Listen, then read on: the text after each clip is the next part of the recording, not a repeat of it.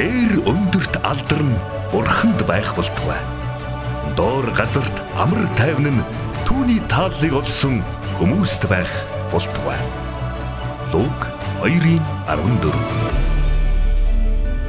Крисмсийн үнэ төвийг дэй нэвтрүүлэг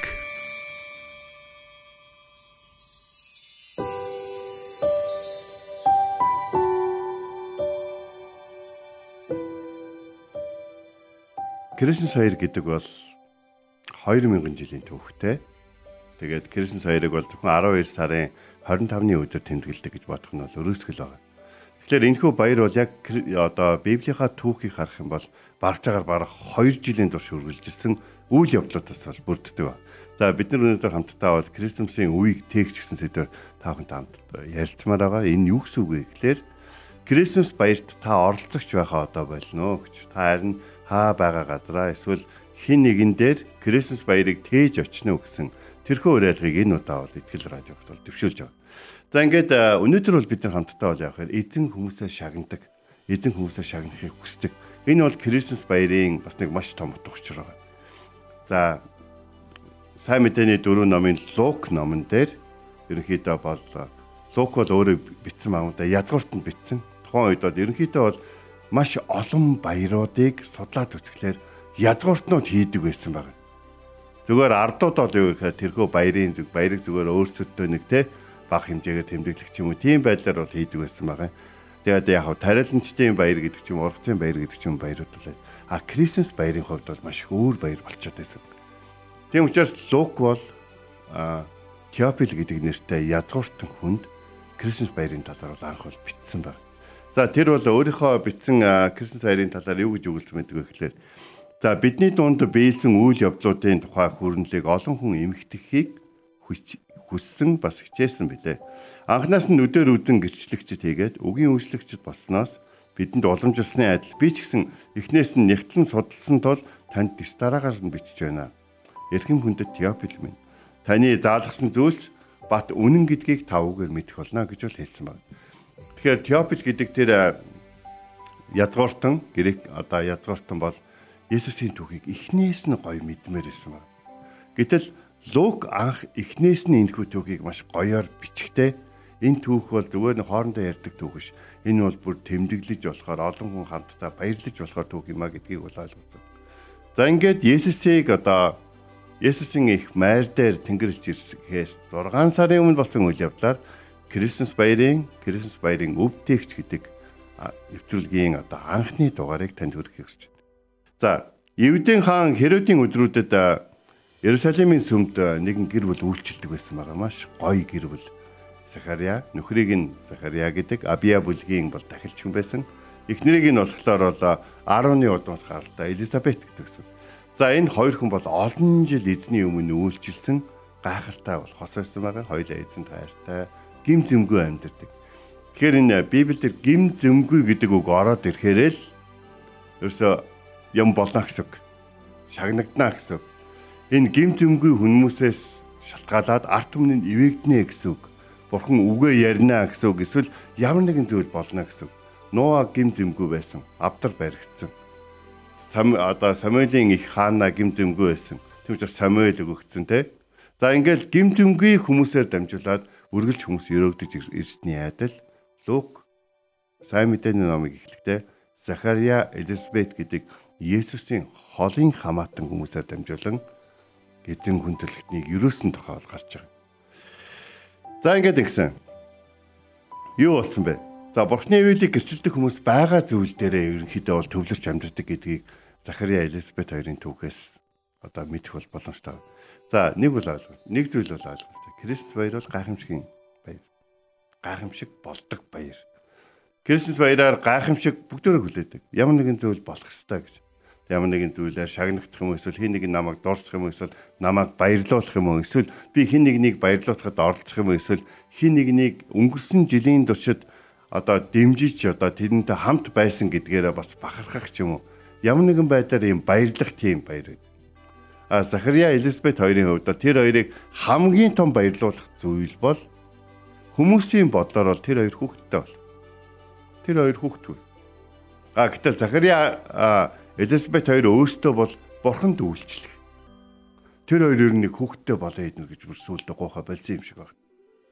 А гэтэл яг нэг өдөр олон дахилчид шодоод Абиягийн бүлгийн Захария гэдэг дахилч эзний ариунаас ариун газар ороод Израильчүүдийг төлөөлн тэдний гим нүглийн төлөө бурхны өмнө одоо дуушлан залбирах одоо тэ өргөлийг удирдах тийм боломж гарсан байна. За ингээд хөшгний цаана бол орсон. Энэ хөшгний тухай домог бол байдаг. Тэгээ энэ хөшгний ард ороод амьд гарч ирээгүй хүмүүс маш их олон байдаг учраас ихэнх тахилчид гялс ороод зан үлээ хийжэл буцаа гараад ирэхийг бол хүсдэг гэсэн. А гэтэл Захариагийн хувьд л тэнд удсан гэж бичсэн байна. За нэгдүгээр бол мэдээж тэнгэр элчтэй уулзаад бол удсан. А хоёрдугаарт бол яаж юм хэрэг Захариа зүгээр л амьд үлдэхийн тулд биш. Эзэнт үйлчилж байгаа талархсан зүрх сэтгэл дээр гим зэмгүй тэр зүрх сэтгэлээр эзэн бурхныхаа одоо тэр хүчрхэг тэр аймаар байдлыг биш харин хайр нэгүслэр дүүрэн байдлыг илүү мэддэг учраас тэр дахиад тэнд ороод удсан. За тэнд бол яасан бэхээр Тэнгэрлэгч Захария чиний гуйлтыг сонссоо. Чи хүүхэдтэй болно. Хүүдээ Йохан гэдэг нэр өгөөрэй гэдэг үгийг хэлсэн ба. Тэгээ Захариад очирдоод маш их зочирдоод энэ бүхэн чи яаж бэлэх юм бэ? Би чинь хөшүүн шүү дээ гэж бол хэлсэн ба. Тэгэхээр Захария бол эзний хэлсэн үгэнд итгээгүй биш.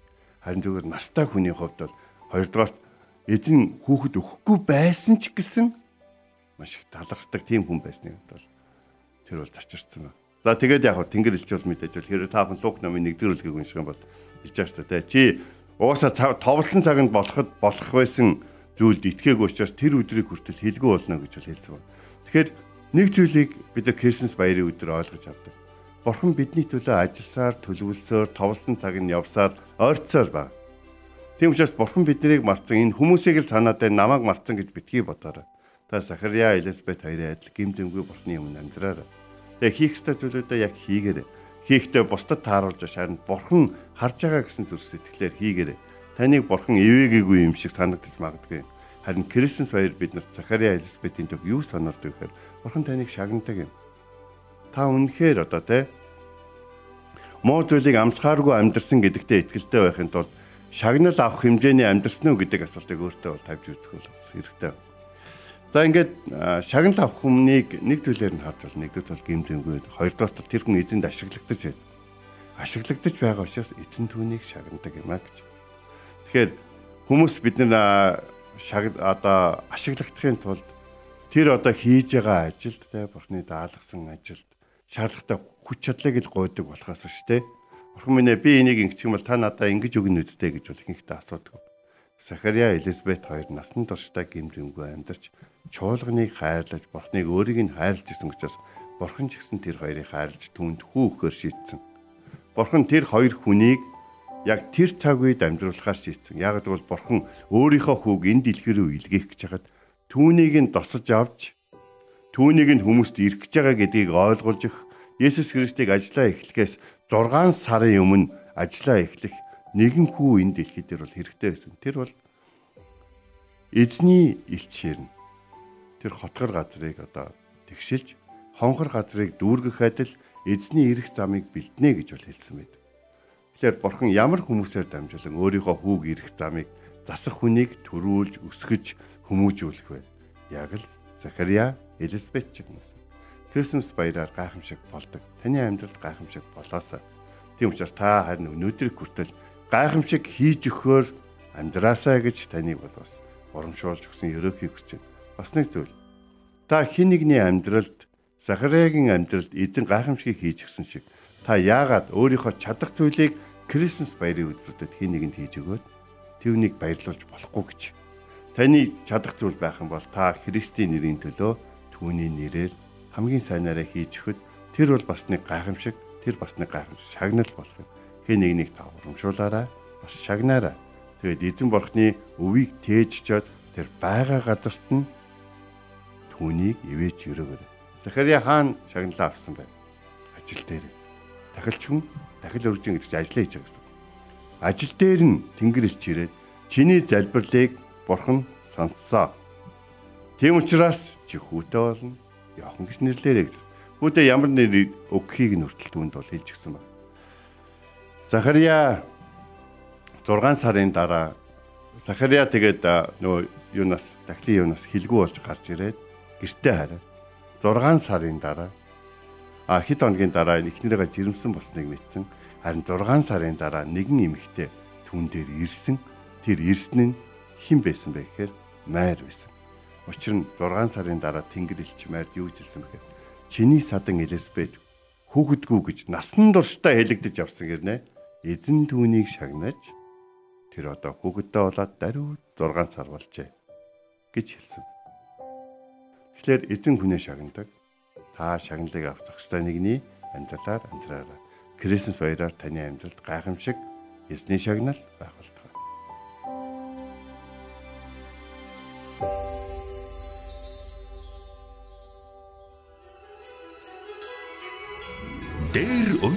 Өндөрт алдарн бурханд байх болтугай. Доор газарт амар тайван нь түүний тааллыг олсон хүмүүст байх болтугай. Лук 2:14 Крисмсийн үнэ төвийг дэй нэвтрүүлэг